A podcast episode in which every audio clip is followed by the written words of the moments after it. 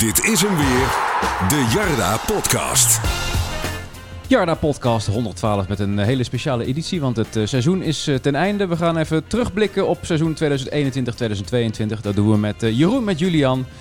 En dat doen we eh, op een hele bijzondere plek, namelijk niet in de Schub, maar in eh, Doetinchem. Thuis bij, dames en heren, Rogier Meijer. Ja, welkom. Ja, dankjewel. Eh de, de, de koffie stond hier al klaar. Ali Akman hangt hier op eh, de koelkast. Dus, eh, het is weer eens wel anders voor ons. Ja, je mag niet alles eh, doorgeven wat hier op de koelkast hangt, moet ik eerlijk zeggen. Maar eh, ja, dit heb je al verklapt, dus eh, ja, welkom nogmaals. Een, een dartboard met een foto van Ted van Leeuwen erop. Dat is ook heel apart. eh. Ja, we laten die kinderen wel eens wat andere dingen doen. Ja, nou, precies. Hey, eh, het is een eh, bijzondere datum. We, de- we nemen nu op op eh, maandag 23 mei. Een eh, jaartje geleden, toen eh, ja, zat jij eh, misschien nu toch wel eh, flink in de zenuwen, denk ik, of niet? Hoe laat speelde Kwart over zes nu. Kwart Dus over zes nu. Zes uur Eh, speelden we. Zes, nou, Zes uur, ja. Ja. Nee, toen, ehm, Was ja, toen waren de meeste zenuwen waren denk ik wel, eh, wel even weg. Maar ehm, het was een spannende dag. En eh, ik zei straks al tegen jullie, ik heb straks nog eh, jullie podcast teruggeluisterd van, eh, van vorig jaar. En als je die filmpjes terugziet, ja, dat, dat doet je wel wat. ja, wel even kippenvel momentje, toch? Ja, ik zag een filmpje van, eh, van NEC die ze deelde op Instagram vandaag. En eh, die ontlading na de wedstrijd, ja, dat is, ja, dat is het mooiste wat er is. En eh, dat geeft je wel kippenvel. En dat, dat doet je ook weer terugdenken aan, ehm, aan een jaar geleden. En ehm, ja, fantastisch.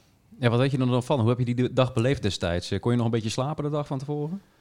Ehm, nou, zoals meestal voor een wedstrijd niet, niet geweldig, een beetje onrustig. Maar daar, ik had toen wel voor het eerst in de ochtend van, van die wedstrijd voelde ik echt spanning. Toen weet ik nog dat ik eh, naar Ted stuurde van, ja, ik, ik heb wel last van de zenuw. Toen zei hij, ja, vertrouw op jezelf. Hij zegt, dan komt het goed. En ja, die wedstrijd op zich liep een beetje zoals het de hele na-competitie liep. Hè. Ja. Eigenlijk ehm, kwamen we voor en eh, we hielden het goed tegen. Alleen toen Van Hooydonk scoorde, toen, ja, toen was het wel even wat, eh, wat lastiger. Maar uiteindelijk, ehm, ja, geweldige goal van Okita. En daarna was het alleen maar feest, dat is wat ik nog weet. Ja, precies. Eh, had je het verwacht eh, op dat moment? Ja, op dat moment wel. Op dat moment wel. Niet als je... Als je zo voor de wedstrijd kijkt eh, naar, eh, naar, naar je manschap in de kleedkamer, dat je denkt van ja, vandaag eh, gaat het gebeuren, we gaan ze pakken. Ja, maar het had ook te maken met de twee wedstrijden daarvoor. Hè. We kwamen natuurlijk op een andere manier in de na-competitie. We waren zeker geen favoriet. En eh, als je dan ziet hoe je bij Almere wint, hè, ook de manier waarop je mist een penalty en daarna maak je toch de doelpunten nog met, eh, met Bruin bijvoorbeeld. Ja. ja, dat geeft ook een bepaald gevoel aan de groep. Nou, toen, toen thuis tegen Roda met wat publiek erbij, ja, na vijf minuten die goal van Bad van Rooij, dat gaf ook een enorme boost aan ons Zo, elftal. En ja, we stonden bij elkaar in de, in de kleedkamer bij NAC en voor die tijd en we zeiden nog wat tegen elkaar. En ja, je voelde wel van dit is speciaal. Maar ik neem aan dat het ook in de kleedkamer van NAC zo was. Alleen ik had niet het gevoel dat we die wedstrijd gingen verliezen. Nee. Maar ja, goed, wat je al zegt, dat zal misschien in de kleedkamer van NAC ook zo zijn geweest. Dat neem ik aan, ja. Alleen, eh, ja, ik kan alleen kijken wat er bij ons gebeurde. En ik zag die jongens, ik zag eh, eh, onze oude, oude, oude kraks hè, van, van- Eijden en eh, Barretto. En ja, toen had ik wel het gevoel, dit moeten we kunnen redden. Ja, fantastisch. Nou, nu een, een jaar later. Ik ben wel benieuwd hoe het over twee wedstrijden gegaan zou zijn, die hele na-competitie. Als je Oh ja, zoals ja, nu... eh, Omdat je toen natuurlijk nog eh, met eh, één wedstrijd per, per ronde speelde, ja. Ja, klopt. Het is, dat, ja, dat is eigenlijk een situatie die eigenlijk nog nooit, heeft, nog nooit is voorgekomen. Je hebt ook Ja. wel eens gehad in de nacompetitie dat je drie wedstrijden kon spelen. Hè, als je uit en thuis zeg maar, eh, verloren en won bijvoorbeeld. Eh, maar één wedstrijd niet. En ik denk dat het eh, zeker niet in ons nadeel was. Ehm, maar goed, ja, ja, twee wedstrijden, ja, dat, dat weet ik Ja. niet. Over het algemeen, hè, als je van tevoren eh, Excelsior Heracles kijkt, zou je denken, de Eredivisie ploeg over twee wedstrijden moet het redden. Maar ja, dat is niet altijd zo dus. nee, misschien had je Emmen dan gehad. Want die hadden misschien wel van de van NAC gewonnen, denk ik. Ja, ja. Ja. maar één Ach, wedstrijd is gewoon anders. En dus de- het gaat echt om die wedstrijd. En ja, ehm, ja de- wat dat betreft hebben we dat drie keer toen eh, goed uitgevoerd. En je hebt uitgewonnen. Dat scheelt natuurlijk ook. Ja, Ja, toen eigenlijk ook al het, eh, het, eh, ja, het, het uitsucces eh, Ja, wat, dat- wat dit seizoen nog is doorgetrokken. Ja, je, je, hebt hier een stapeltje papieren die we van Opta hebben gekregen. Daar komen we zo nog op, op terug. Het is nu een jaar later. De elfde plek eh, behaald. Eigenlijk redelijk, ja, zorgeloos gehandhaafd. Hoe, hoe kijk je terug op dit seizoen? Ja, eigenlijk zoals je het zegt. ehm, we, we, hebben de elfde plek behaald. En dat is misschien op het eind nog wel een beetje een teleurstelling. Hè, als, je, als je achter staat met de laatste speeldag. En ik denk als je het voor het seizoen aan ons had gevraagd... ehm, ja, als je voor de elfde plek kan tekenen, dan had je dat gedaan. Alleen, ja, het is wel een beetje een, een ander gevoel. Als ik dan Fortuna zie met de ontlading... als ik dan op andere velden de ontlading zie na de, west- Ja. na de laatste wedstrijd... Ja, dat hadden wij niet. Alleen we hebben gewoon wel uitstekend gepresteerd naar vermogen, denk ik. En ehm, ja, ik denk dat we daar heel tevreden op terug kunnen kijken. En natuurlijk zijn er altijd dingen die beter kunnen en die ook beter moeten. Alleen als je puur kijkt naar de eindstand, elfde plek, ja, dan denk ik dat we het goed gedaan hebben. Ja. Kijk je nu toch nog wel met enige jaloezie naar eh, AZ en Vitesse, die dan toch nog dat, dat, dat toetje hebben? Mm, nou, niet met jaloezie. Eh, ik, ik, een beetje apart wel, moet ik eerlijk zeggen, dat, dat er nu nog gespeeld wordt. Een beetje Ja. apart gevoel. Ehm, ja, het seizoen is af, alleen die Ja. wedstrijden worden nog gespeeld. Nee, niet met jaloezie. En ik vind het wel heel erg zonde dat we niet gehaald hebben. Maar uiteindelijk eh, denk ik, als je dan een paar dagen later met elkaar terugkijkt, wat ik al zeg, kunnen we tevreden zijn over het seizoen. Ja. En ja, eh, zullen we ons moeten verbeteren. Ja. Dus vooral natuurlijk ook eh, tevreden met, met die handhaving. Je zei het net al even, vooraf hadden we voor getekend, de elfde plek. Had je het verwacht van tevoren dat het eigenlijk toch best wel makkelijk zou gaan? Nee, ja, het, het is eigenlijk een, een hele. ehm, ja, het hele seizoen is een soort van kijken waar je staat eh, op dat moment, zeg maar. En je bent ook niet zo goed op de hoogte van de tegenstanders. Natuurlijk, je kent, je kent Ajax, Feyenoord, PSV, die ken je allemaal wel. Alleen natuurlijk afwachten hoe iedereen uit die zomerstop eh, komt. Ja, en eigenlijk gaandeweg het seizoen ehm, ja, ga je een beetje je plekje vinden in de competitie. En Ja. eh, nou, rondom de winststop hadden we natuurlijk al best een aantal punten gehaald, waardoor je wel... Nou, normaal wordt gezegd 34 punten, dan ben je veilig. Ja. Hè? Maar dat, dat durf ik ook niet meer te zeggen nou. Ehm, maar dat weet je wel, daar werk je naartoe. En uiteindelijk voel je wel gedurende de competitie... nou, we worden eigenlijk nergens weggespeeld, behalve die eerste wedstrijd misschien. Eh, dus we zijn best wel eh, competitief aan alle andere teams. Ehm, ja, goed, en dan, dan voel je ook wel dat, dat we kwaliteit hebben... en dat we ons kunnen handhaven. Ja, precies. Kijk je dan ook voorafgaand aan het seizoen een- toch wel een beetje naar de selecties van eh, de, de ploegen die mogelijk onder je kunnen blijven? Bijvoorbeeld van PEC of van Cambuur. En je dan kijkt van, nou, Cambuur heeft er niet heel goed ingekocht. Nee, natuurlijk kijk je daarna. Ik bedoel, eh, uiteindelijk is onze doelstelling altijd geweest handhaven. En ja, iedereen kan van tevoren een beetje uittekenen welke clubs Ja. er bij jou in de buurt eh, komen te staan. Dus daar kijk je naar. En bijvoorbeeld de tweede wedstrijd tegen Zwolle was voor ons echt een meetmoment van... oké, ja, waar staan we nu eigenlijk? Hè, we hadden best een, best wel een prima voorbereiding gedaan. Hè, met Ovi Kreta nog thuis. eh Heracles uit, RKC thuis gespeeld in Weurtan. Nou, dat ging allemaal best wel aardig. Nou, Ja. Tot we naar Ajax gingen. Nou, toen werden we weggeblazen. Nou, en dan is het zo'n wedstrijd wel echt belangrijk, een thuiswedstrijd, van oké, ja, hoe staan we er nou eigenlijk voor? En nou, die hebben we gewonnen, alleen daarin zag je wel, nou, we moeten nog best wel dingetjes verbeteren. Alleen, ja, daar, dat geeft je natuurlijk wel vertrouwen om, om dat seizoen aan te gaan. En als je kijkt naar de selectie, waren daar echt, eh, echt verrassingen voor jou? Van, eh, nou, deze spelers presteerden echt boven verwachting? Nou, ik denk dat eh, sowieso onze keeper, eh, denk ik, ehm, voor iedereen al een verrassende keuze is geweest dat hij eh, het, het seizoen mocht starten. Ja. En we hebben natuurlijk Vukovic gehaald, die heel veel ervaring heeft en had. En waarvan denk ik de meeste mensen hebben gedacht van, nou, die gaat keeper. Nou, wij vonden dat Matthijs het gewoon verdiende op basis van de voorbereiding. En die heeft ons denk ik het hele seizoen daarin nooit in de steek gelaten. En sterker nog, ik denk dat hij een van de meest stabiele keepers was in de Eredivisie. Ja, en kijk, als je elke speler moet bespreken, maar ik denk dat het ook mooi was dat je een heel groot gedeelte eh, met het elftal hebt gespeeld, of een deel van het elftal van het jaar daarvoor. En Ja, zeker. ik denk dat, eh, ja, als je dat ook van tevoren had gezegd, hadden niet zoveel mensen gedacht dat dat zo zou zijn. Nee, dan ja, noemen ze een paar spelers. En El Karawani en Bart van Rooij, die eh, ja, zich toch gelijk aan de Eredivisie, aan de Eredivisie mochten ruiken. Ja, in de Achterhoede hadden we natuurlijk ook Odentaal. Hè. En daar hebben we natuurlijk wel op een gegeven moment Marques bij gekregen en later nog Goed. Hè. Maar er waren drie van de vier jongens, ook nog onder de 21, die gewoon bijna het hele seizoen gespeeld hebben. En dat gaat met vallen en opstaan. Hè. En, en, uh, maar ze hadden allebei een concurrent gekregen. Hè. Bart en, uh, en uh, Soufian, die, uh, die Kelvin erbij hebben gekregen en Ilias. Ja, en, en ik vind dat zij het goed hebben gedaan. En natuurlijk hebben ze ook mindere fases gehad. Maar dat is ook logisch. En Ja. op een gegeven moment speelden we middenveld met Propen, volgens mij Bruin. Nou, daar kwam Schöne bij. Okita heeft veel gespeeld, Tafsan. Dat zijn allemaal jongens die, die, die er vorig jaar ook al waren. Met, met aangevuld met talenten en, en, en aankopen van buitenaf. Ja, zeker. Heb je nog uh, verrassingen gehad uh, die, die misschien wat tegenvielen binnen het seizoen? Denk je dat? Nou, weet ik niet. Uh, ik vraag het aan jou. Dus, Nou ja, weet je, we hebben denk ik wel moeite gehad met de spitspositie dit jaar. Hè? Ja. Um, onze intentie was altijd vanaf het begin van het seizoen of begin van de voorbereiding, voordat we eigenlijk überhaupt begonnen, om een spits te halen die, die het al bewezen had, zou ik maar zeggen, die wat ervaring had, die op het hoogste niveau gespeeld heeft. Nou, dat is om allerlei redenen niet gelukt. Ja.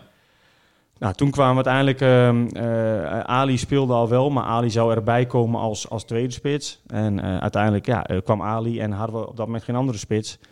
Pedro Ruiz is gekomen. Nou, we weten allemaal, um, ik, ik, denk zonder zijn blessures was hij nooit bij NEC gekomen.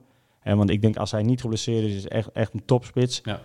Um, konden we halen, ja, maar wel met een beetje risico van oké, okay, uh, hoe zal het gaan met Pedro? Had ook nog wat lange tijd nodig natuurlijk. Ehm, uiteindelijk hadden we toen ook nog Ole Romani, die, die zelfs nog een aantal keer heeft gespeeld en is ingevallen. Nou, en, eh, Pedro raakte geblesseerd, Ole ging naar Emmen. In de winter weer gekeken. Ja, daar was niet heel veel ehm, te halen voor ons. En uiteindelijk hebben we eh, het geprobeerd met, met Wilfried. En ja, dat is achteraf geen succes geworden. Nee, dat viel natuurlijk ook tegen. Ja, want, want wij hoopten, en dat hoopten we als staf, en ook, eh, hier gaat het bier al aan de grond. Eh, nee, grapje. We hoopten als staf en, eh, en natuurlijk ook met Ted, hè, dat, dat hetgeen wat hij in het begin op training liet zien, dat was echt van hoge kwaliteit. En, en, en daar was ook iedereen onder indruk en enthousiast van. Alleen we wisten ook, hij heeft tijd nodig om op te trainen. Nou, die tijd hebben we gegeven. Eh, Go Ahead Eagles thuis in de beker, hè, hadden we afgesproken, nou, 20, 25 minuten, een half uurtje moet kunnen. Nou, dat, dat ga je met de medische staf overleggen, dat overleg je met hem, hele ervaren speler, iemand die zijn lichaam heel goed kent. Nou, dat, dat gevoel had hij ook en uit het niets schiet eigenlijk hem in zijn hamstring. Ehm, ja, dus is, is, is dat traject is eigenlijk weer zes weken weg. Nou, heeft hij weer heel hard getraind om terug te komen. Ik vind echt bizar wat hij heeft gedaan zeg maar, gedurende die periode om te trainen. Ehm, nou, en op het moment dat hij eigenlijk net voor Ajax eh, weer mee zou doen, ja, met een hakballetje schiet het hem er weer in. En ja, eh, nu zitten we hier en is het seizoen ten einde. Ja, eigenlijk nog best knap dat je het hele seizoen zonder beoogde eerste spits hebt moeten voetballen en dan toch nog zo hoog eindigt. Natuurlijk, je, je, je zit hier niet helemaal zonder spits, want je hebt natuurlijk Ali Akman nog, maar... Die deed het in het begin heel goed. Hè? Ja. Bij, eh bij PEC, of thuis tegen PEC en dan Heracles. Dus Ja, Ali heeft zeker in de eerste wedstrijden, toen leefde hij op eh, adrenaline en Ja. op, het, eh, op het toeschouwers, zeg maar, leefde hij op. Ehm, toen deed hij het echt geweldig. Alleen, ehm, ja, volgens mij heb ik toen ook na een wedstrijd een keer gezegd, de, de jongen was zoveel aan het lopen en zoveel aan het jagen. En dat deed hij puur op basis van ja, dat de mensen hem eh, eh, ja, enthousiast maakten. Ja. Ehm, maar aan de andere kant, Ali had bij Boersaspor, voordat hij naar Frankfurt ging, had volgens mij 13 of 14 wedstrijden eh, betaald voetbal gespeeld. Dat was het enige ervaring die hij had. Ja. Toen wilde hij zijn contract niet verlengen bij Boersaspor. Heeft Frankfurt hem eerder overgenomen, dus ging hij daar al wat mee trainen. Woonde in een hotel in Frankfurt.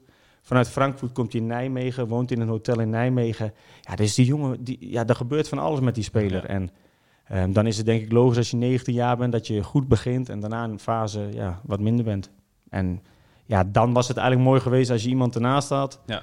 die gewoon het eerste uur 75 minuten speelde, die niveau haalde en Ali op laatste 20, 25 minuten gas geven. Dan had je denk ik de beste afwisseling gehad en nu moest het anders. Ja, uiteindelijk toch nog zes doelpunten gemaakt. Dus eigenlijk nog best knap voor iemand die uit zo'n eh, chaotische situatie komt. Ja, nee, maar hij heeft ook zeker wel eh, talent. Alleen hij, hij is nog niet zo ver dat hij dat elke dag op de training en elke wedstrijd kan leveren. Alleen hij heeft zeker bepaalde kwaliteiten. En zijn kwaliteiten komen ook denk ik beter tot uiting als we wat dichter bij de goal spelen. Ja. Nou, daar, eh, daar hadden we niet altijd, eh, zo speelden we in ieder geval niet altijd. Dus dat was ook niet altijd top voor hem. Alleen ja, ik denk dat als je kijkt, terugkijkt van een jongen van 19, is dit jaar 20 geworden in het seizoen. Ja, heeft hij denk ik gewoon goed gedaan. En hij heeft zelf ook wel iets te hoog van de toren geblazen, denk ik. Ja, hij hangt ook hier op de koelkast, eh, dus eh, zoals ik al zei. Hij is eh, populair bij eh Meijer Junior. Ja, bij mijn jongste dochter. Maar eh, ehm, eh, ehm, ik vind het knap hoe Ali zich ontwikkeld heeft als mens. Hè. Hij kwam binnen. ehm, ja, toen, toen draaide het om Ali zelf. Hè. Ook in de interviews die je wel gelezen hebt van hem. Maar hij heeft zich wel ontwikkeld als een speler die aan het team denkt. En die ook ehm, ja, echt een goed plekje heeft gevonden bij NEC. En als ik ook zie hoe iedereen hem waardeerde op het moment dat we het afscheid namen, zeg maar vorige week. Ja, dat vind ik wel mooi om te zien. En eh, ik heb goed contact met hem. En ja, die kleine vindt hem wel een leuke jongen.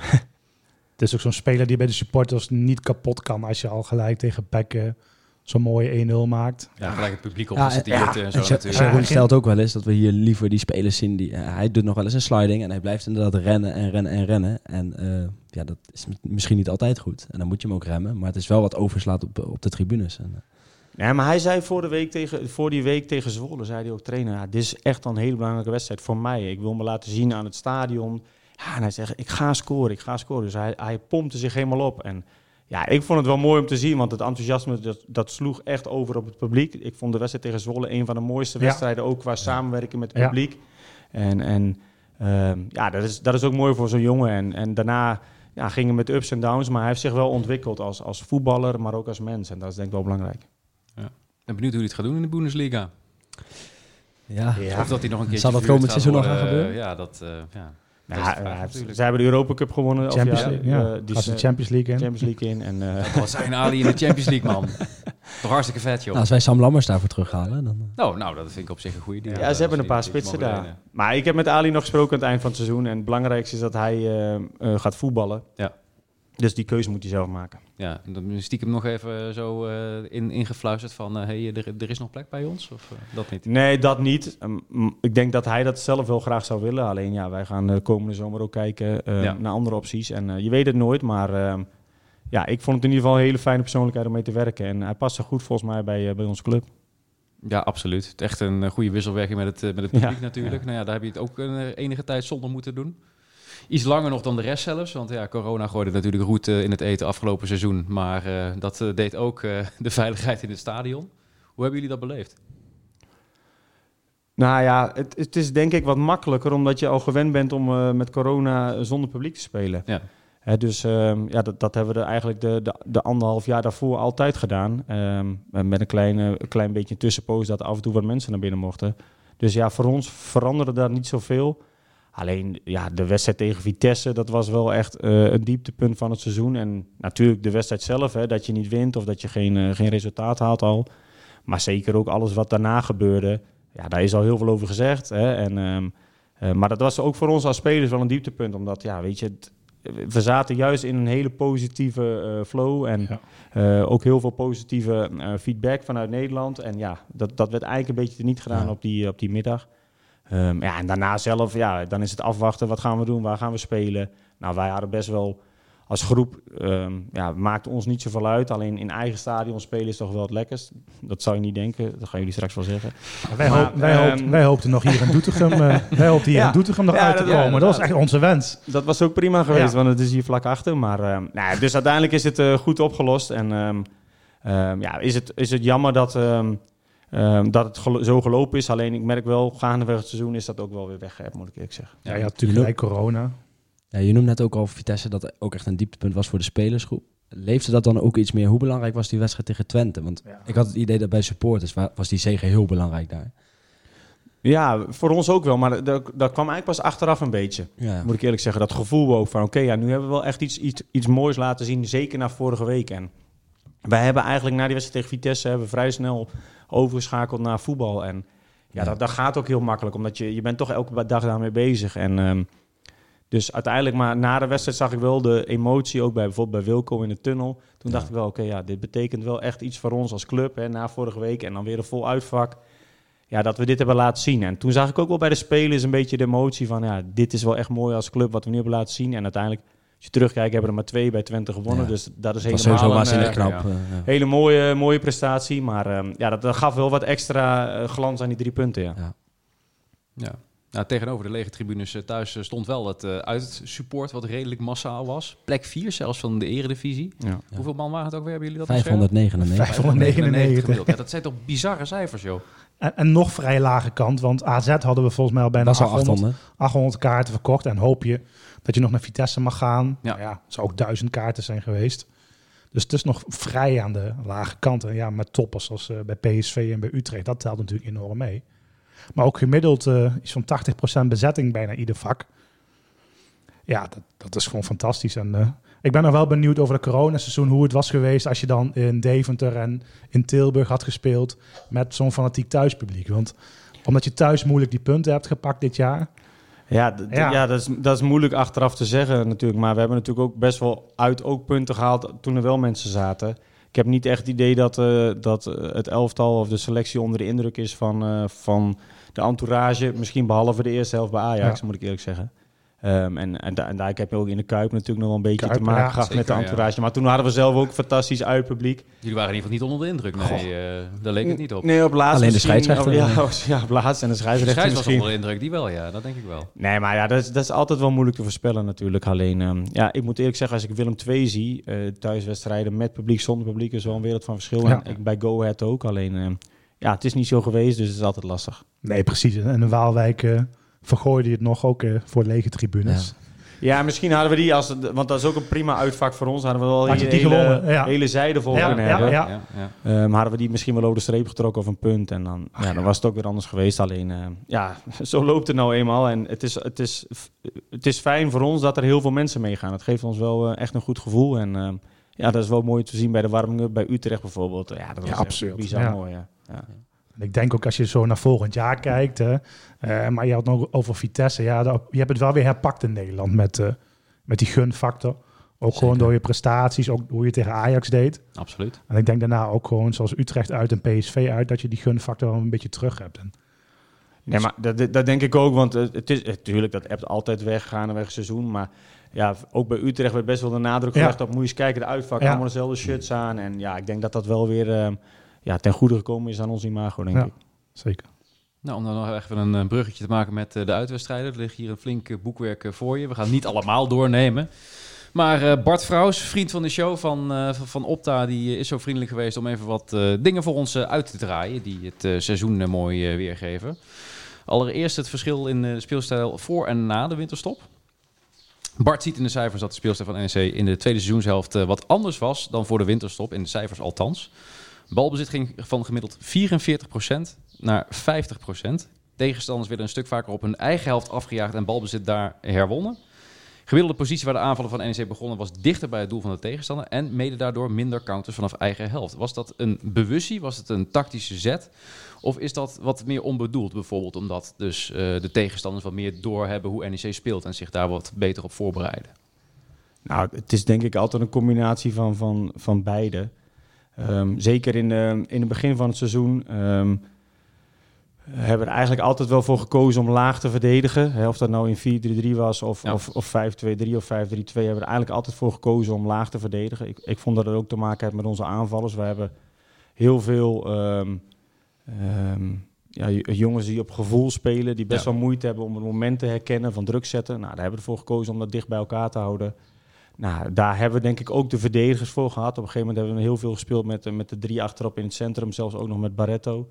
Nou, dan is het ook prettig als je dicht bij elkaar speelt. Hè. En we hadden ook geen ploeg die heel graag eh, hoog druk zette. Maar we hebben wel gedurende eh, het seizoen en ook in de winter gezegd... Ja, dat willen we wel meer gaan doen en Ja. ook meer gaan trainen en meer gaan ontwikkelen.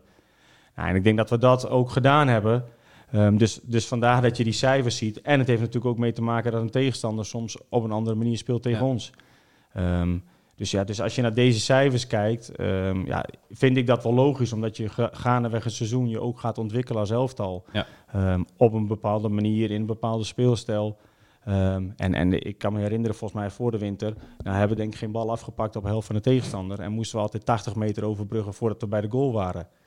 Hebben we misschien ook spelers voor. Alleen op een gegeven moment hebben we wel gezegd, nou we willen ook hoge druk zetten. Zeker als we in thuiswedstrijden, bijvoorbeeld tegen AZ, eh, bijvoorbeeld tegen Ajax, maar ook tegen Twente en tegen Sparta, hebben we dat gedaan. Alleen ja, het uiteindelijke effect daarvan is niet dat je gewonnen hebt. Dus, dus dan zal het nooit worden eh, ervaren als zijnde dat het beter is geworden. Nee, maar van waaruit eh, kwam die wens? Want op zich, het ging eigenlijk, eigenlijk heel goed in de andere tactiek. Ehm, ja, klopt. Maar soms heeft het ook te maken met de spelers die tot beschikking zijn. Ja. Ehm, ehm, is, is iedereen er zoals je wil spelen? Maar ook, ja, ik vind altijd, of tenminste zo werk ik, op een gegeven moment in de winter ja, moet je ook weer een steen in het water gooien, want anders gaat allemaal hetzelfde blijven. Ja. En, ehm, je moet je wel proberen te ontwikkelen. En, en de wens was zeker ook vanuit, eh, vanuit spelers ja, om ook wat hoger druk te zetten. En nou, goed, dat hebben we geprobeerd trainbaar te maken en ook geprobeerd in de wedstrijden. En dat is wel gelukt. Alleen ja, dat is niet vertaald naar resultaat. Nee, precies. Wat ook de, de volgende vraag van Bart was, eh, die had nog wat opvallende cijfers. Na de winterstop waren er wel meer schoten voor en minder tegen. Dat is op zich goed, maar de kansen die NEC kreeg waren minder groot. Dus je had wel meer schoten gecreëerd, maar minder expected goals, om maar even een eh, term eh, erin te gooien. Nu is eh, inmiddels de helft van onze luisteraars afgehaakt. Ja, dat snappen ze tot wel, ziens. dat snappen ze wel. Ehm, terwijl de kansen tegen juist wel, wel, wel weer wat groter werden. Nou, maar dat is, dat is op zich heel logisch, hè? Omdat... ehm, Omdat je ehm, juist weer verder van de goal afspeelt, meer ruimte achterin weggeeft. Ja, kijk, de, de kansen worden groter naarmate je dichter bij de goal komt. Dus op het moment dat jij meer schoten hebt, wil dat niet zeggen dat je kans groter is. Want een schot van 30 meter is een kleinere kans op een goal dan een schot van 15 meter. En ik weet, in de eerste seizoenshelft we hebben volgens mij, nou, ik denk 85% van onze doelpunten in de 16 van de tegenstander gemaakt. Dus dat zijn bijna Ja. alle goals geweest. Dus het zijn bijna allemaal aanvallen geweest die leiden tot in de 16 en van daaruit scoren. ja, op het moment dat je wat, ehm, ehm, misschien wat voorspelbaarder bent, ja, wordt dat lastig om, om zo tot een kans te komen. Dus ga je eerder schieten. Maar wordt de kans op een goal wordt wel minder groot. En andersom is het hetzelfde. Op het moment dat je hoog verdedigt, dus meer ruimte weggeeft en ze komen er een keer doorheen, is de kans direct groter eigenlijk Ja. dan dat je laag verdedigt en je moet van schoten hebben. Ja. Dus het is best wel vrij logisch ehm, ehm, staatje wat hier, eh, wat hier ligt. En ja, dat is ook wel iets wat we natuurlijk zelf ook wel hebben, ehm, hebben ervaren en ook wel hebben gezien. Ja, absoluut. Ja, d- d- er staat ook nog iets over eh, dat het eh, aantal doelpunten in de tweede seizoenshelft een, eh, ja, een stuk minder is geworden. Op Heracles na het minste goals van de ploegen na de winterstop. 12 om 14 in het geval van NEC. Eh, misschien met een, ja, me- met een echt aanspeelpunt in de spits en een, een eerste spits had, dat aantal wat hoger uitgevallen ook. Ja, misschien wel. Maar vol- volgens mij staat er ook bij dat, dat, de, dat de kansen wel Ja. groter waren. Dus je had ze wel mogen maken. En ik denk ook En dat, dat dus dat in, ons, in ons rendement ehm, voorin. We hebben natuurlijk niet echt een uitgesproken topscorer gehad. We hebben wel een aantal jongens die eh, gescoord hebben. Maar ja, als je zo de, de wedstrijden snel de revue laat passeren. ehm, denk, denk aan de momenten van Tafsan bijvoorbeeld, die heel vaak wel heel dicht bij een goal is geweest. Eén op één met de keeper een aantal keren. Ja, dat rendement ehm, is niet hoog genoeg geweest in de tweede seizoenshelft. En in de eerste seizoenshelft maakten we uit een halve kans ook wel eens een goal. En, en daar zit denk ik wel het verschil. En ehm, op het moment dat je daarin iets vaker eh, wel de goal had gemaakt, ja, dan, dan was het ook anders geweest. Alleen, dit is niet zo, dus dat, dat hebben we gewoon niet goed genoeg gedaan. Absoluut. Ik zag Julian net eh, die aanstel te maken om iets te zeggen. Of, eh, Nee, nee, nee, je had, niet. je had gewoon een biertje nog. eh, Oké. Je bent toch net geslaagd voor die trainerscursus, Julian? Ja, ik heb vorige week mijn UEVC gehaald. Dus, Oké. Nou, kun je er wat tegen inbrengen? Of, eh? nee, Nee, daar hebben we het nog niet over expected goals. Nee, dat, maar ook niet bij UEFA Pro. Hoor. Dus, eh, dus eh, Nee, zelfs daar niet, nee. Nee, kijk, ik, ik vind dit altijd wel heel interessant, moet ik zeggen. Ja. Ehm, ehm, al- alleen, ja, ik ge- gebruik het niet overal bij. Kijk, want expected goals hadden wij ook gewonnen van Fortuna met 3-1 bijvoorbeeld. Ja, exact. Alleen, ja, je hebt niet gewonnen, dus ja, dat, dat wil niet altijd wat zeggen. En eh, soms kun je het natuurlijk wel gebruiken om, eh, om spelers iets duidelijk te maken van je bent op de goede weg, we zijn op de goede weg, we, eh, we creëren meer kansen, we komen dichter bij de goal. Alleen ja, uiteindelijk gaat het wel om, om de kwaliteit ook in die laatste fase. En ehm, ja, goed, dus, dus we, we nemen die data zeker mee. Ehm, Maar, en- ja, maar ik kan me voorstellen, het geeft je wel houvast misschien. Ook na een nederlaag zo van... ja, er was een, een fase ook. ehm, moet ik even goed nadenken. Bijvoorbeeld tegen Sparta thuis. Hè, eh, die we, die we niet, waar we geen grote kansen wisten Nee. te, te creëren. Hè, maar hadden we bijvoorbeeld wel iets van tussen de 7 en 800 passes. Nou, in, in mijn tijd tot nu toe bij NEC hebben we dat nooit gehaald. Dus dat betekent dat je echt wel eh, dominant bent in je balbezit. Zonder grote kansen te creëren. Nou, dan is het ook best wel makkelijk om naar je groep te communiceren. Jongens, dit doen we goed. Hè, in, in de opbouwfase in- tot in het middenveld. Maar nu zullen we eh, dat moeten proberen te verbeteren. Dus eh, vanuit je intuïtiviteit, hè, ehm, eh, Tafsan, Okita, ja, zullen we wel moeten, moeten komen tot kansen creëren. En, en dat kun je wel meenemen zeg maar, in je analyse. En, en, ja, dat, dat doen we met de cijfers. En ja, het valt mij op dat jullie niet hebben dat wij eh eh 35% volgens mij van de tegengoals in de laatste half uur hebben gekregen. Ja, dat, dat, daar komt 46 Bart nog wel enigszins, Oh, eh, 46. Ja, dus, sorry. Oké, die heb jij in ieder geval nog wel scherp. Ja, maar ik dacht de laatste kwartier van e- e- Oh, dat zou ja, kunnen. 31 en plus 15. Ja. Dat is pagina 3. Ah, oké. Gaan we door naar pagina 3 Jammer. van, van dit college. Ja, want ehm, eh, eh, Bart eh, vertelt ook dat NEC eh, lastig te bespelen is. Eh, met enige afstand de ploeg die de meeste overtredingen mee heeft gekregen. En vervolgens st- eh, stipt hij aan eh, dat jullie inderdaad weinig op achterstand hebben gestaan. Ja, dat klopt. Ik, ik denk dat we eigenlijk altijd eh, eh, uitstekend zijn begonnen aan wedstrijden. Hè, dus dat, ik denk dat het ook te maken heeft dat de jongens weten wat er gevraagd wordt. ehm, dat ze goed voorbereid zijn en dat ze zelf scherp aan een wedstrijd beginnen. Alleen de keerzijde is ook dat we ehm, ja, nou, regelmatig, maar een heel aantal keren de voorsprong Ja. niet hebben weten vast te houden. En nou goed, daar, daar ga je ook naar, naar kijken. Dus je, je zet alle goals achter elkaar. Ehm, je hebt het fysieke gedeelte. Dat we, hebben natuurlijk iemand die daar eh, de, de data van uitleest. Hè. Kunnen Mhm. we nog leveren in de laatste 25 minuten wat we daarvoor hebben geleverd? Ja, dat, dat neem je allemaal mee. Ehm, ja, en uiteindelijk heb je ook een mentaal gedeelte, wat natuurlijk heel moeilijk eh, eh, coachbaar is. Ja. En ook heel moeilijk terug te krijgen is in, in cijfers of zo. Dus dat zijn de drie dingen die je dan meeneemt. En nou, we hebben het ook een fase beter gedaan. We hebben zeker ook, er was een hele fase voor de winter dat het heel vaak terugkwam. Ah, daarna was er ook een fase bijvoorbeeld Go Ahead uit. eh, toen hebben we de wedstrijd echt doodgemaakt. Willem II uit. Zeker. Dus daar is wel verbetering in geweest. Maar als je, als je dit soort dingen eh, richting volgend seizoen ehm, ja, al, al kunt weghalen, dan, ja, dan ja, mogen we wel iets meer van onszelf verwachten. Ja. Ja, precies. Je noemt net al eh, de data. Bleek daar ook uit dan dat het net iets te zwaar ging worden soms? eh, Dat je het aan Ja, komen? dat heeft ook soms met de wedstrijd te maken. Kijk, als je bijvoorbeeld ziet de thuiswedstrijd tegen PSV. ehm, ja, waarin wij net voordat eh, zij eigenlijk de 1-1 gaan maken, 1 op 1 gaan spelen met Tafsan, die eigenlijk de 2-0 Penalty, moet ja. maken. Dan wordt het 1-1. En dan zie je ook wel dat het wat minder wordt. Alleen, ik kan me herinneren, PSV bracht eh, Maxi Romero, ik denk Vinicius of Madu, ja, eventjes Ja, twee ja, of drie van dat soort jongens. Ja, en wij konden in die wissels niet mee. En dan zie je wel dat het verschil wordt. Maar is dat dan mentaal of is Ja. dat dan eh, fysiek? Ik denk wel dat we eh, het hele seizoen hebben kunnen laten zien dat we fysiek aan kunnen. Alleen het, is een combinatie van beide. En Ja. en ja, dat maakt het misschien ook soms wel lastig. Ja, precies. En als zo'n PSV dan nog zo'n Vinicius kan brengen. En Ja, zij brachten Maxi Romero, ja. Vinicius, van, van Ginkel speelde volgens mij. Maar goed, maakt even niet zoveel uit. Maar die, die brachten drie of vier Ja. ook fysiek sterke jongens. kwamen drie of vier cornerballen achter elkaar. Daar hadden we ook moeite mee. Ehm, ja, dan, dan geeft dat ook een... En we kwamen er niet meer af, dus dan loop je al minder. Ja. Dus dat, soms is de data daar niet helemaal leidend in, moet Ja. ik Nee, zeggen. maar dan vond ik wel dat PSV was dan ook een van die weinige potjes dat je hem ook wel een beetje aan zag komen. En dat- eh, bij AZ of zo had ik dat veel minder. eh. Nee, bij, bij, bij PS tegen PSV thuis voelde je hem aankomen Ja. omdat je niet meer onder de druk uitkomt. En bij AZ hebben we voor die tijd ook nog een paar kansen gehad om, om dezelfde Ja. tweede in te schieten. Die van Okita werd afgekeurd. Ja. Kwamen nog een paar keer eruit. Ja.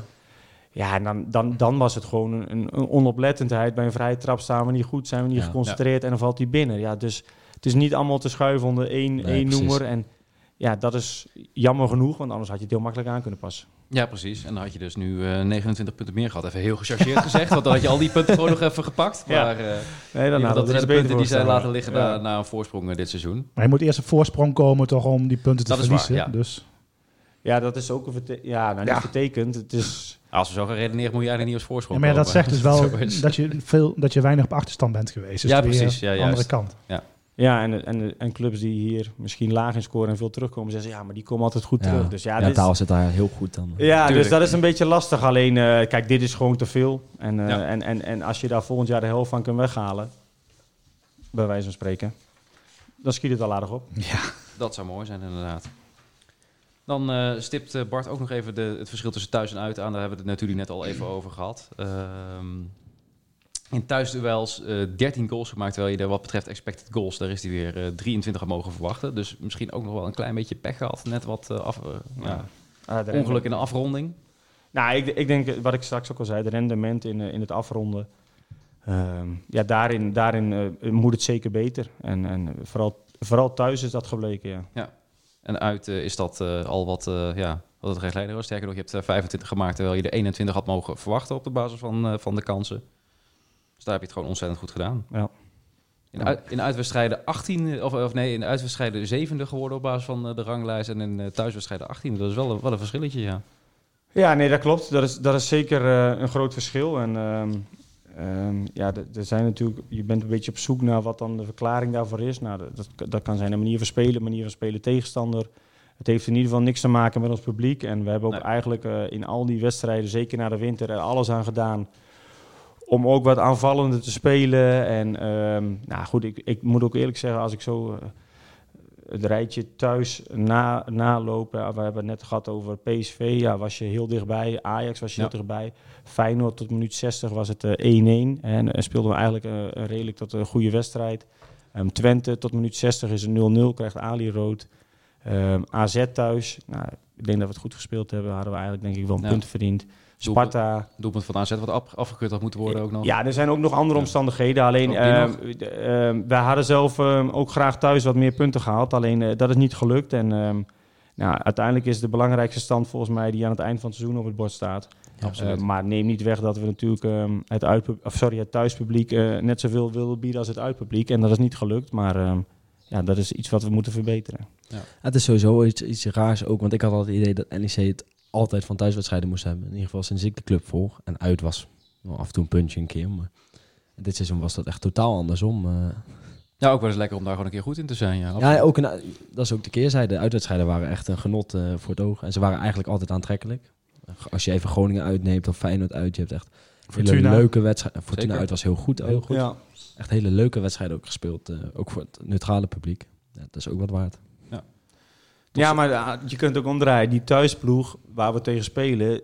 Trekt Ja. aan het langste eind. Ja, ja, maar die, die moet dan ook op een andere manier spelen. Misschien. Hè. Die wordt ook thuis van verwacht. Je moet wat meer aanvallen. Nou, en, en, en misschien wat meer ruimtes weggeven op het moment dat je aan het aanvallen bent. En dat ligt ons gewoon iets meer. Of dat lag ons Ja. gewoon iets meer met de spelers die wij hebben. Dus dat, dat past ook prima in het wedstrijdbeeld vaak. We lieten ze iets komen. Alleen thuis, ja, wordt er ook wel eens weer anders van je verwacht. En, en probeer je ook op een andere manier soms te spelen. En ja, dat is niet goed genoeg gelukt.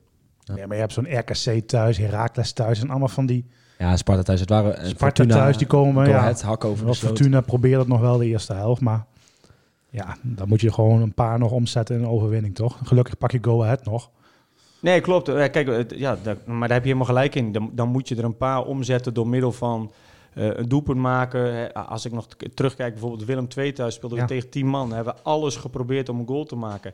Alleen het echte, echte rendement of de kwaliteit in de 16, ja, die was er toen niet. En ja, als je er daar twee of drie van En gewonnen had. Vitesse thuis bijvoorbeeld, hoe zij dan, ja, hoe Vitesse ervoor ging liggen, ja. Ja, Nee, maar, ja, maar dat is, dat is, dat is Zonde. Ja, zonde, maar is ook het goede recht van de tegenstander. En wij moeten daar beter in, in, eh, in, in zijn op het moment dat je dat eh, voor, je, voor je kiezen krijgt. Nou, en dat is ons onvoldoende gelukt. Het echte uitspelen van kansen op het moment dat de tegenstander het compact maakt, het klein maakt.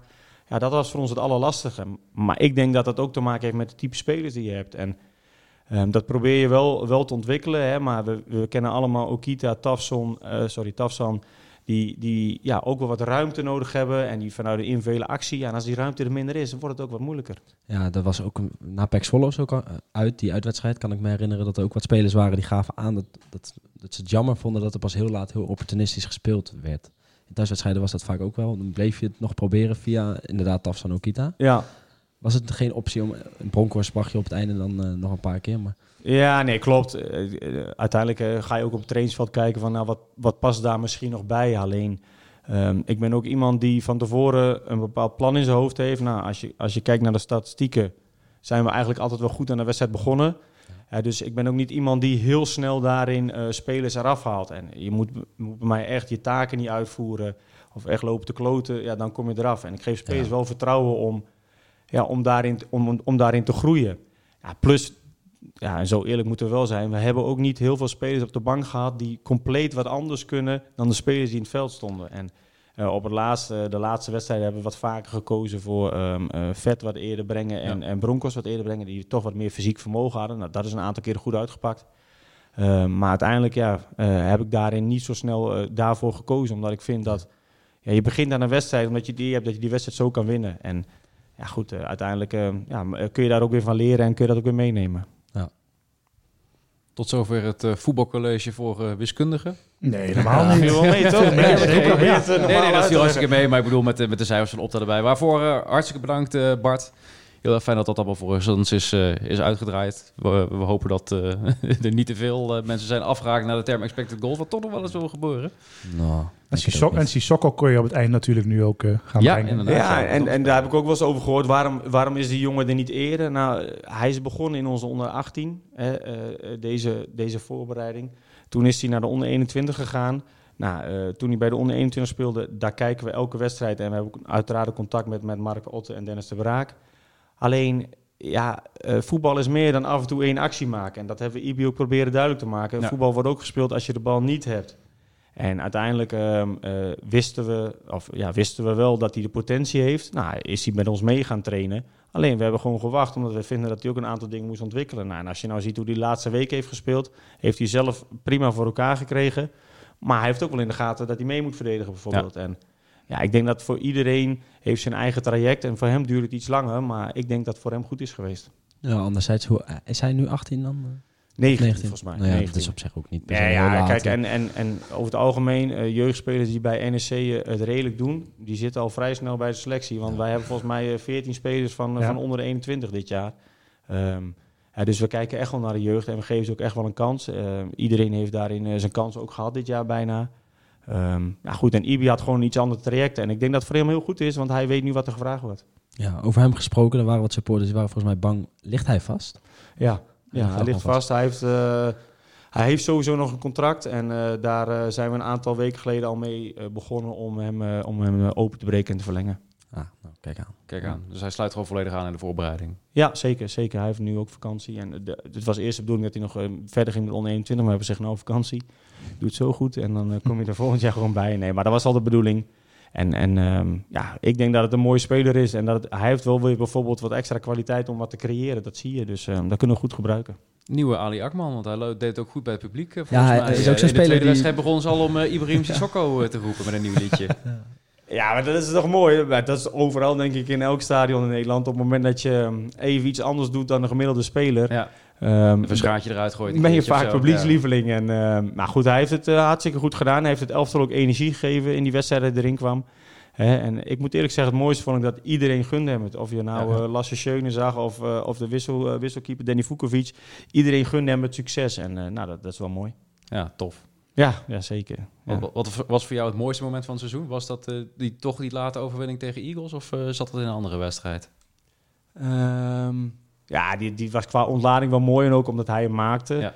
En ook omdat je nou, met, alle, met alle thuiswedstrijden natuurlijk een, een stukje extra ontlading kreeg.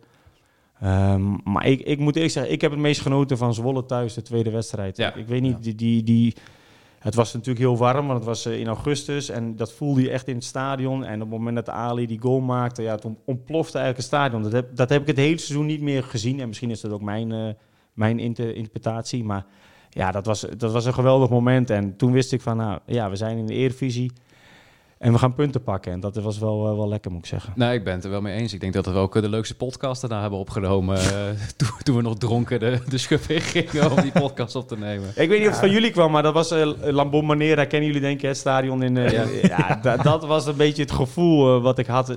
Het, ontplofte, het was warm. Maar ik Ja, heb dat ook wel zo beleefd, die wedstrijd. En dat is ook zo'n zo'n wedstrijd waarvan je nog vaak een samenvatting wil kijken. Maar dat kwam ook natuurlijk, het was de eerste keer in, in twee jaar tijd volgens mij, dat we in ieder geval met 66% Ja. capaciteit naar binnen Ja, mochten. redelijk vol natuurlijk, eredivisie na vier jaar, Pek Zwolle is dan ook wel een beetje de uitgelezen tegenstander. eh. ja. De eerste keer in nou, zes, zeven jaar dat je überhaupt in een vol stadion, een redelijk vol stadion speelt. Ja. Maar ook Twente uit, hè. zoals je zei, eh, met die ontlading vond ik wel heel belangrijk. Je had echt een rotweek achter de rug eh, met alleen maar over die rellen en het instorten. En het was ook gewoon belangrijk om op dat moment weer die punten te pakken. Want ja. Ja. je verloor net van Vitesse en wat moeilijke, thuis, ja, moeilijke wedstrijden gehad. Ik vond Feyenoord uit ook wel een waanzinnig moment. Ja. Ondanks dat je hem verloor, maar dat was voor mij een beetje het moment van oké, dit is wat de eredivisie is. Ja. En we doen er gewoon in mee. Nou, het was niet, ik vond het altijd wel opmerkelijk dat het niet eens een hele verrassing was dat je bij Twente won en Fortuna won. En wij hebben er van tevoren altijd wel gezegd, ja, wij zijn een eredivisieclub, we horen erbij. Dat vinden we vanuit ons gevoel. Eh, misschien ook wel vanuit de status, maar door bepaalde resultaten te boeken, was het niet eens een verrassing dat je, die, eh, dat je het gewoon heel goed doet eh, dit jaar. Ja. En we van tevoren dachten wij wel linker rijtje of een beetje, nou, negende, tiende, moet wel lukken. Terwijl iedereen NEC op de zeventiende plek Ja, ja. voorspelde. Nee, dat klopt. Dat is Ja. eigenlijk geruisloos het seizoen gegaan. En, en dat, dat zei ik straks ook van als je dan die ontlading ziet bij al die andere ploegen die erin gebleven zijn. En als je de tragiek bij Heracles ziet. Ja, Ja, dan, dan mogen we denk ik ook wel gewoon eh, eh, tevreden zijn. En je moet wel altijd kritisch zijn, en, ehm, en- maar ook realistisch, maar ook kritisch zijn. Maar als je dat dan ziet op al die andere velden, en ja, precies wat jij zegt, Jeroen, ja, als ze bij Twente winnen, nou, goed gedaan, jongens. Eh, en Ja. we gaan weer door. Ja. En ja, dat is, dat is wel een beetje wat, ehm, nou, wat ook wel bij, bij NEC past, denk ik. Hè, ook bij, eh, bij de omgeving van NEC. Maar ik denk dat we ook wel een beetje tevreden en misschien een klein Ja. beetje trots mogen zijn op het seizoen. Je hebt het hele jaar eigenlijk niet naar beneden hoeven te kijken. Ja, Fortuna was op een gegeven moment wel zo'n wedstrijd die moest je winnen. Ja. Eh, Maar ja, die won je dan zoals- ook echt, echt klinkend. Is Ja. er ook een wedstrijd geweest die jij kan noemen wat je de allerbeste vond van je ploeg? Ja, ik vond Feyenoord goed. Eh, zeker in, in, in het plan wat we hadden. Ik vond Ajax thuis ook goed, moet ik eerlijk zeggen. Eh, als je kijkt naar Ajax uit en Ajax thuis, allebei een andere fase. Dus dat zijn wedstrijden waarin we ons denk ik wel hebben laten zien van... nou oké, eh, dit kunnen we als team. En we hebben ook, ja, sommige spelers zijn ook gewoon beter geworden eh, daarin. Dus dat, dat zijn zo de wedstrijden die ik eruit haal. Maar, maar, maar ook Willem II uit bijvoorbeeld. Ja, we speelden helemaal niet goed, maar ik had nooit het gevoel... er gaat een goal vallen. nee, nee. Nooit. En dat, dat was ook wel de kwaliteit van het team. We hebben tien keer eh, de nul gehouden. Nou, zeker toen we met die drie slopers in het, in het midden speelden, ja, had ik nooit het gevoel dat er een goal tegenkomen. Ja, en, dat, en, en, en dat is misschien niet ehm, zoals je goed wil definiëren in voetbal.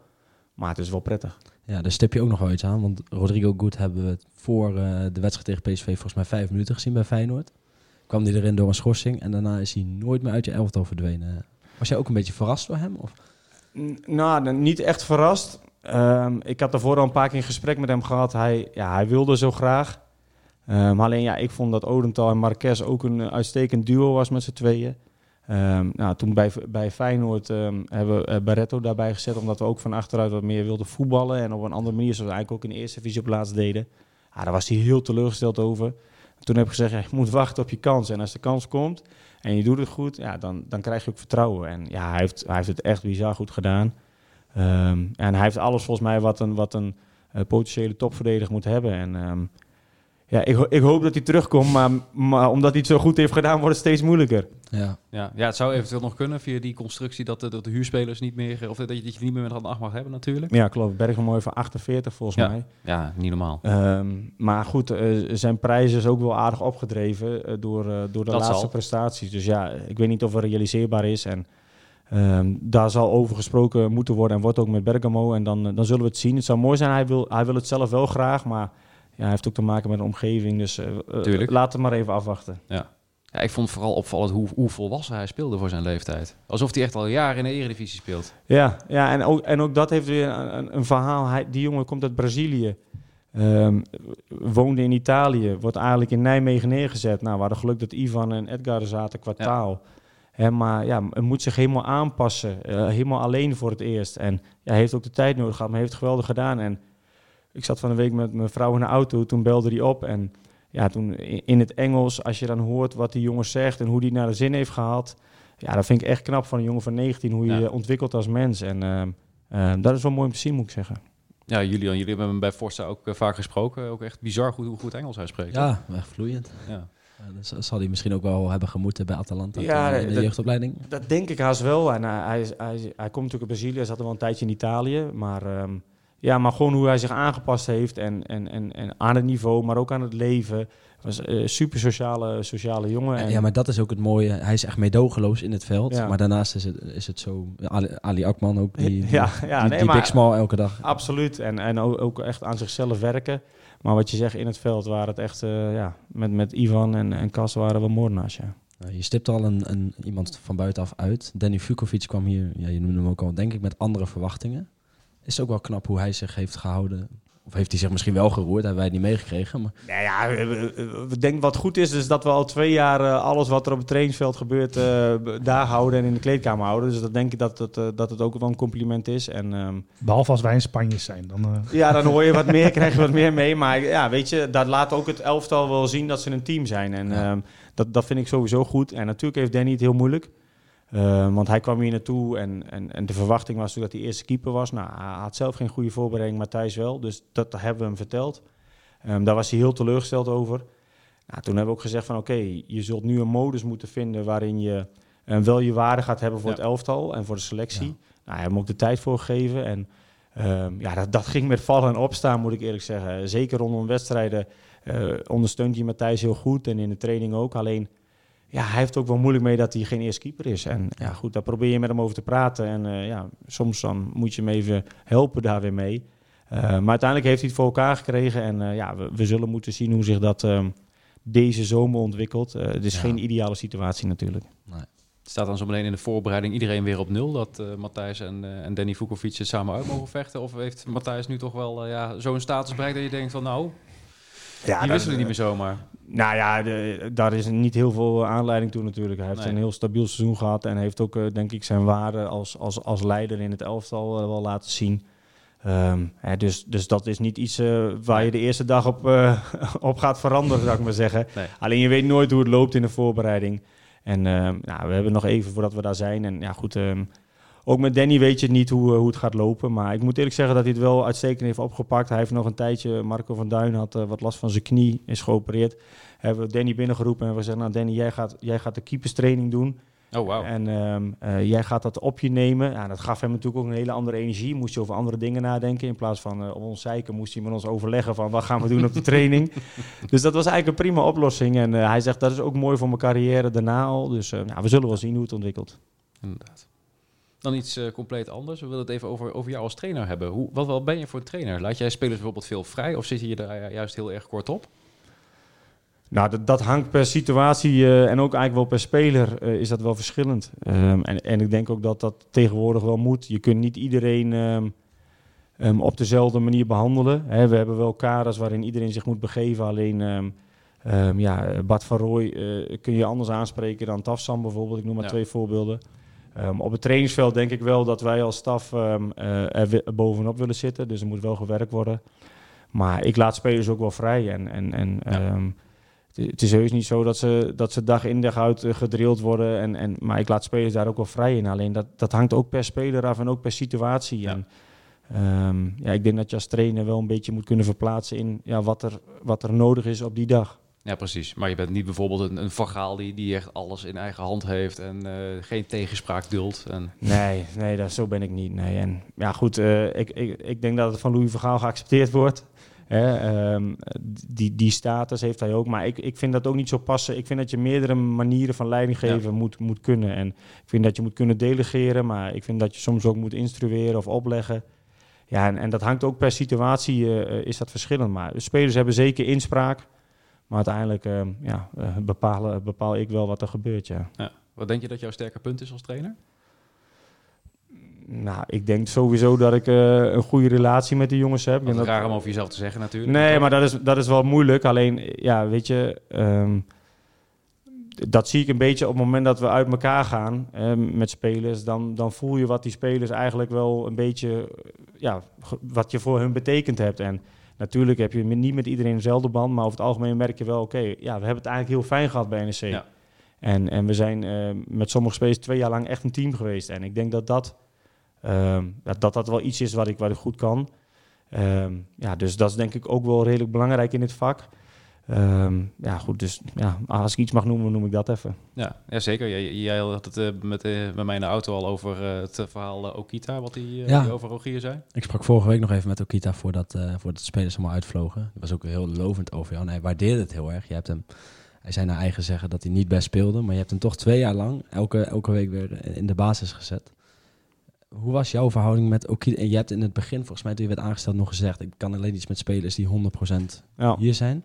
Hij gaf zelf ook toe, daar ben ik lang niet altijd geweest. En toch, Nee, maar dat is ook wat, een beetje wat ik, wat ik zeg. Je moet eh, verschillende situaties eh, kunnen beoordelen Ja. en daar ook op handelen. En ehm, toen ik zeg maar eh, alleen hoofdtrainer werd, wilde Jonathan eigenlijk weg.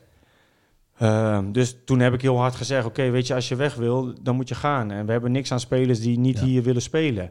Ehm, alleen ja, hij bleef. En ehm, ja, ik, ik, ik, ik weet niet, maar ik heb, op een of andere manier had ik wel, heb ik wel een klik met hem. En, en dit is een jongen die, ja, als je hem niet kent en je ziet hem voetballen, dan denk je soms van: Mijn god, wat ben je aan het doen? Ja. En, en, en wat straal je uit? En, ehm, maar als ik hem dan door de week zie werken op het trainingsveld en, en als ik hem met die andere jongen bezig zie, ja, dat is, dat is dan niet wat je, het resultaat wat je ziet in de wedstrijd. En nou goed, toen had hij een hele mindere, mindere periode. Toen heb ik hem ook bij me geroepen en heb gezegd, nou Jonathan, ik haal, je, eh, ik haal je naar de kant.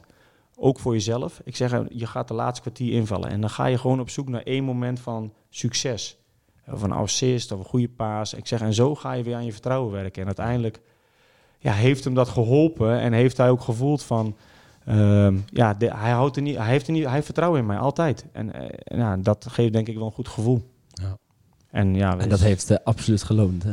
ja, en, en, en uiteindelijk heeft hij het gewoon zelf gedaan, omdat hij eh, harder is gaan werken, beter is gaan trainen. Ehm, ja, dus de- hij, is, hij is meer prof geworden, maar hij heeft het wel een beetje nodig gehad om hulp te hebben van iemand. En ja, ik denk dat het resulteert in een speler die straks ergens anders in de Eredivisie speelt. Ehm, maar ja, uiteindelijk is het denk ik wel mooi eh, ja, wat je dan hoort eh, eh, via jou in dit geval, dat hij dat heel erg gewaardeerd heeft. En Ja. ja, ik denk dat dat belangrijk is, want anders heb je ook niet echt eh, met een speler, als je geen klik hebt met een speler, dan wordt het ook lastig om elkaar eens bij te brengen, denk ik. Ja, je zegt het even tussen neus en lippen door, maar denk je dat hij inderdaad een speler is die ook de komende jaren nog in de Eredivisie... eh, is dit een competitie die hem heel erg ligt, zeg maar? Ja, ik denk het wel. Kijk, eh, ehm, een paar jaar geleden had hij het altijd over de Bundesliga en eh daar, daar moest hij naartoe. En nu ja, heeft hij eigenlijk voor het eerst in de Eredivisie gespeeld. Heeft hij ook wel gemerkt van, oké, dit is wel wat me ligt. En misschien nog wel bij een ploeg die wat meer in balbezit is. En ja, ik denk dat hij eh, graag in de Eredivisie blijft. En eh, ja, we moeten afwachten. Eh, ik denk niet dat het bij ons is, dus dan zal het ergens anders zijn. Nee, want de deur staat nog op een kiertje. Er, er ligt volgens mij nog een, nog een aanbod als het goed is. Maar je denkt, nee, die wil een stap hoger opmaken. Ja, kijk, en hij is vier jaar bij ons geweest. Ehm nou, vier jaar wisselend succes. En, Ja. en, en soms is het ook goed om ergens anders een, een nieuwe, frisse uitdaging aan te gaan. En nou goed, dat is ook zijn goed recht, denk ik. Wel benieuwd waar zijn, ja, wat zijn niveau is dan in de Ja, ik, Eredivisie. ik zou het ook zo niet durven zeggen als ja, ik eerlijk vrees ben. ik wel een type, eh, ja, zou het toch niet Vitesse worden dan? Nee, dat doet hij Nee, niet. Dat doet hij toch niet, hoop ik. Eh, als je hem zo ziet, zou je Die zeggen... halen wel dat soort aanvallers. Soms eh, Ajax, soms RKC. En dan ergens Ja. daartussenin. hè? Ja, Utrecht of zo. Nou, misschien kan hij een soort, een soort flex-abonnement doen of zo. Dat hij, dat eerst daar voetbalt en de volgende wedstrijd van... Nou, hm, ik voel me nu meer een RKC-speler. Nee, ja, we moeten het zien. Maar soms Ja. verbazen spelers ook als ze bij een andere club komen. Maar ehm, ehm, ik denk dat hij dit jaar, of dit seizoen... En we hebben hem echt gemist toen hij geblesseerd was. Want toen zat hij echt in een geweldige periode. Ehm, ik denk dat hij meer dan zijn waarde heeft eh, bewezen voor ons. Zijn er spelers van wie je wel definitief afscheid hebt genomen eh, vorige week? Eh, Rens en Edgar hebben definitief Goh, afscheid van ja. genomen. Maar dat was jullie wel bekend, hoor ik. Ja. Ehm, ja, eh, Xavier Vet hebben we afscheid van genomen.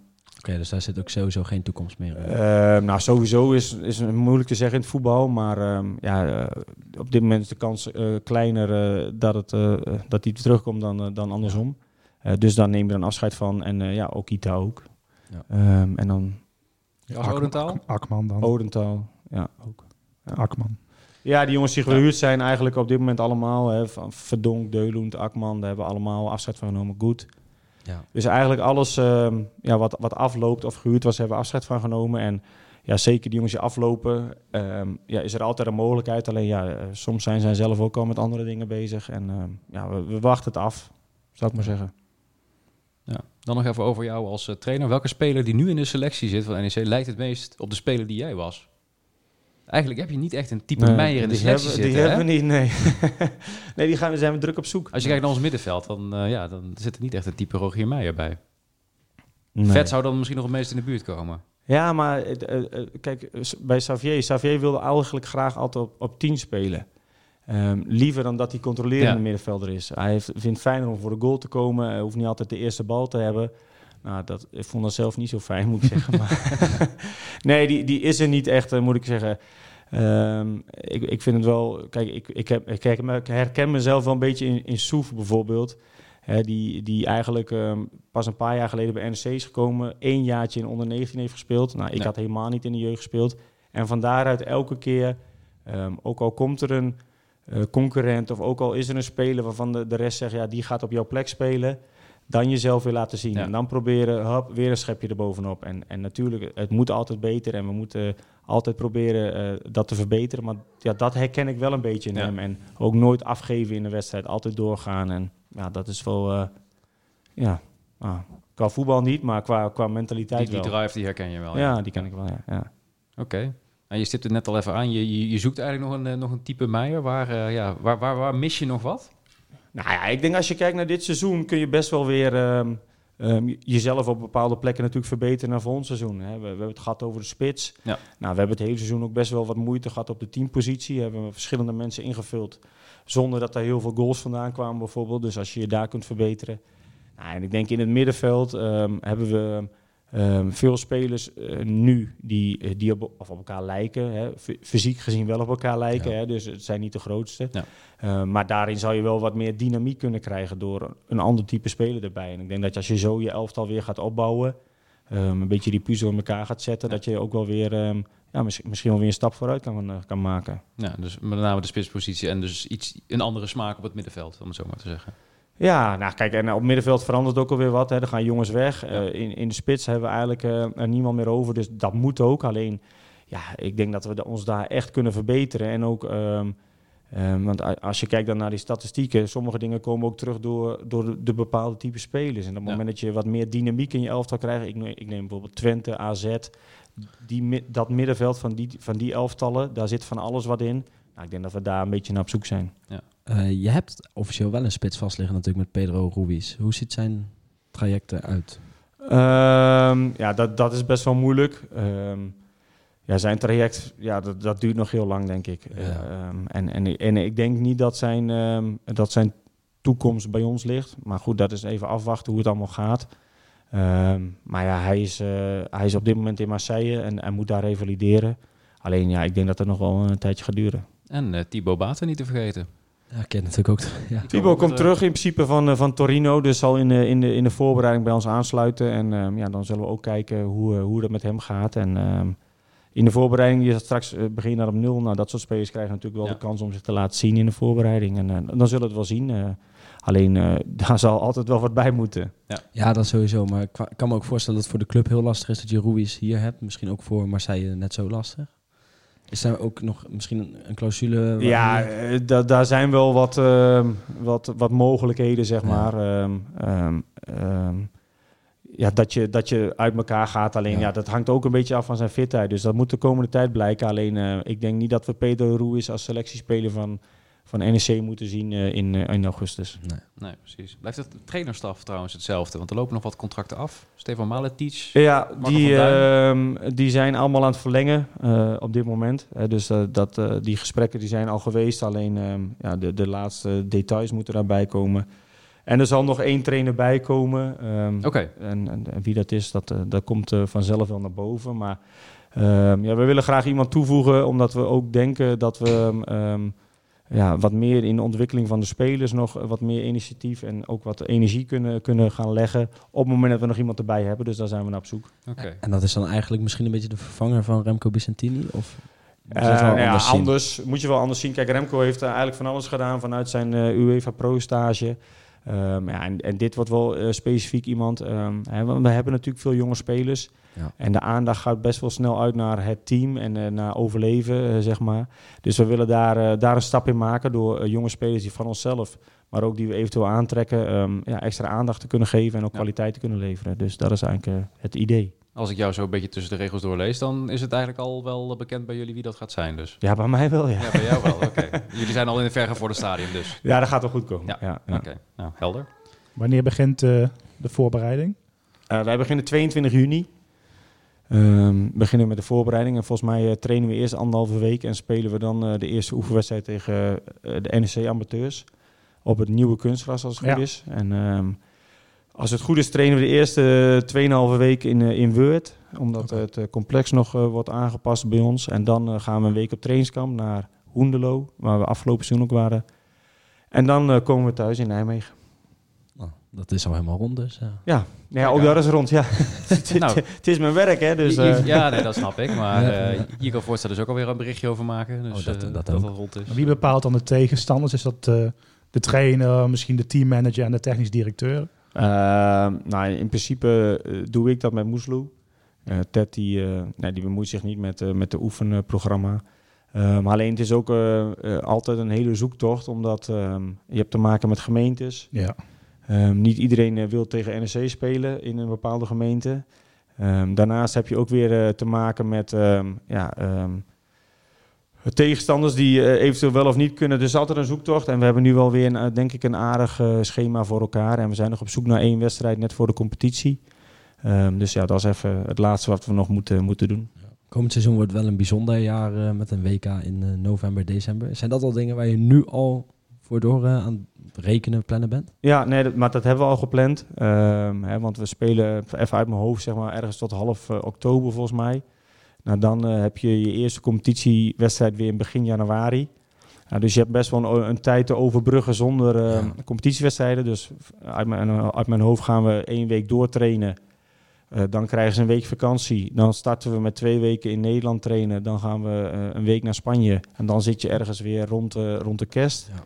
Ja, en dan moet je gewoon doortrainen omdat je je, eh, je competitie begint eerste week januari. En eh daartussendoor moeten we oefenwedstrijden plannen. Nou, eh, volgens mij zit heel Europa ermee, of heel de wereld. Gaan we niet op vakantie of wel eh, volgend jaar? Ja, we gaan Ik hoor dat we naar Spanje gaan. Oké. Ja, ja, ja. Ik hoop alleen niet tijdens het WK.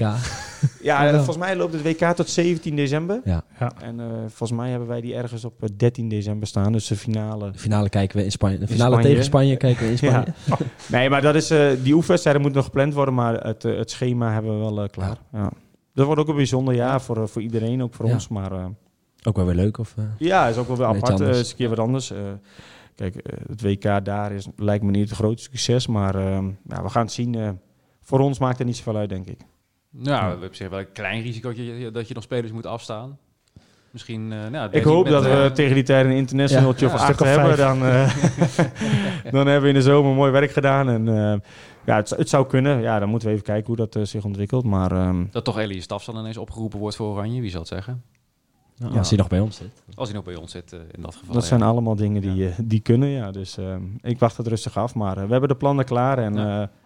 eh, ehm, ja, we zien het wel. Nou, een spannend seizoen. Tweede seizoen na de promotie zeggen ze altijd dat dat het zwaarste is, hè?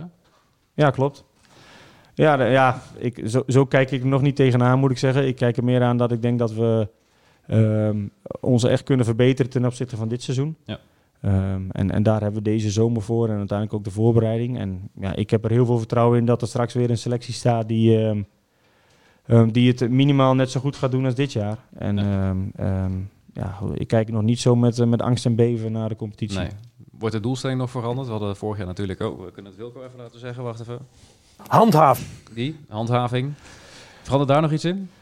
Nou, zover zijn we nog helemaal niet. Want eh, op dit moment hebben we het gewoon 12 spelers. Maar ehm, uiteindelijk ehm, is denk ik ehm, altijd goed om eh, in het begin wat realistisch te zijn. En Ja. met de wetenschap dat het tweede seizoen altijd eh, moeilijker is, dan moet je eerst handhaven. En van daaruit ehm, gaan we wel weer bouwen richting wat anders. Ehm, dus ja, laten we dat maar even. Kun je die jingle erin houden? Ja, dan houden we die gewoon ook volgend seizoen eh, erin. Onze, ons Wilcootje. Gooi je die van PEC eraf. Ja, die moeten wel Ja. af. Hè? Ja. Die, die, die, die, die, die maken geen... eh, ja, die, die, die spelen geen rol van belang meer, Pek. Ik vind het wel bijzonder als je zo'n Herakles zag eh, drie weken geleden, Ja, hoe dat oh, dan man. gelopen is. En Wilco zei het wel eens steeds van ja, als wij echt straks misschien tegen Fortuna voor ja, misschien handhaving moeten gaan spelen, hoe dan de krachten zullen zijn. Maar je ziet eigenlijk wel hoe, hoe het bij Heracles gelopen is. Denk je nou dat je in die positie al, hoe, hoe zou NEC zelf gereageerd hebben, de selectie? Als, het net, nou, als je net niet van Go Ahead had gewonnen en net, want ja, nu 35 punten had je nu nodig gehad en zover sta je er niet vanaf. Nee, klopt. Maar het is ook wat dat betreft volgens mij een hele best wel bizarre competitie geweest. Als je Ja. ziet wat na de winter de onze ploegen hebben gedaan. Ja, die hebben zich echt Absurd. eh, spectaculair Ja. verbeterd. En, en ehm, ik heb nooit het gevoel gehad dat we daarbij zouden komen. En natuurlijk heb ik wel eens gedacht, maar wat als we erbij komen? Ehm, ja, hoe, hoe gaan we dan reageren? Nou, en, dan kun je alleen maar kijken naar wat, wat heb je voor selectie. Nou, volgens mij hebben we jongens die over het algemeen allemaal vrij rustig zijn, en, maar wel goed weten wat er gevraagd wordt. Ik bedoel, op het moment dat jij een wedstrijd moet spelen en het gaat ja, alles of niks, ja, dan kun je wel rekenen op Marquez, denk ik. Dan kun je wel rekenen op Goedke. Dan kun je wel rekenen op Schöne. Dan kun je wel rekenen op Barretto, hè, als Ja. hij fit is. Dat soort jongens kunnen dan wel heel veel betekenen voor je, denk ik, in die wedstrijd. Als je dan een beetje kijkt naar Heracles, ja, dan, dan kan ik er niet één opnoemen Nee. die dat heeft wat die spelers net hadden bij- ons. Hè. Je kunt ook rekenen op Brandhorst, zeker in, in dit seizoen, hè, hoe die zich echt heeft, heeft Ja. ontwikkeld. Ja, dat, dat heeft Heracles niet. En Heracles heeft denk ik ehm, iets te vroeg ehm, de vlag in de top gehezen en konden dat niet meer omkeren. Nee. Ja, het- het- we zeiden het altijd heel vaak tegen elkaar van... eh, we zijn zo blij dat we niet in die, eh, in die play-offs eh, zitten, zeg maar. Ja, maar heel bijzonder. Volendam volgend jaar. Ja. Je ziet wat er allemaal in die KKD nu speelt. Ja, het is echt bizar. Het wordt met het Kom er jaar... maar. eh, Ja, kom er maar eens uit wordt uit die mini-eredivisie, kampioen-divisie. Nee, maar dat is ook, dat, is, dat was Ja. gewoon hartstikke moeilijk. En, eh, en er gebeurde altijd ook, eh, als, je, als je naar beneden gaat, ja, je kwaliteit wordt minder, het geld wordt minder. Maar je moet er wel uitkomen. Ja. En, en, en dat is gewoon hartstikke moeilijk. En ehm, ja, vorig jaar om deze tijd zei ik van we mogen nooit meer degraderen. Nou, dat, dat moeten we aankomend seizoen laten zien, want je moet, je moet erin blijven.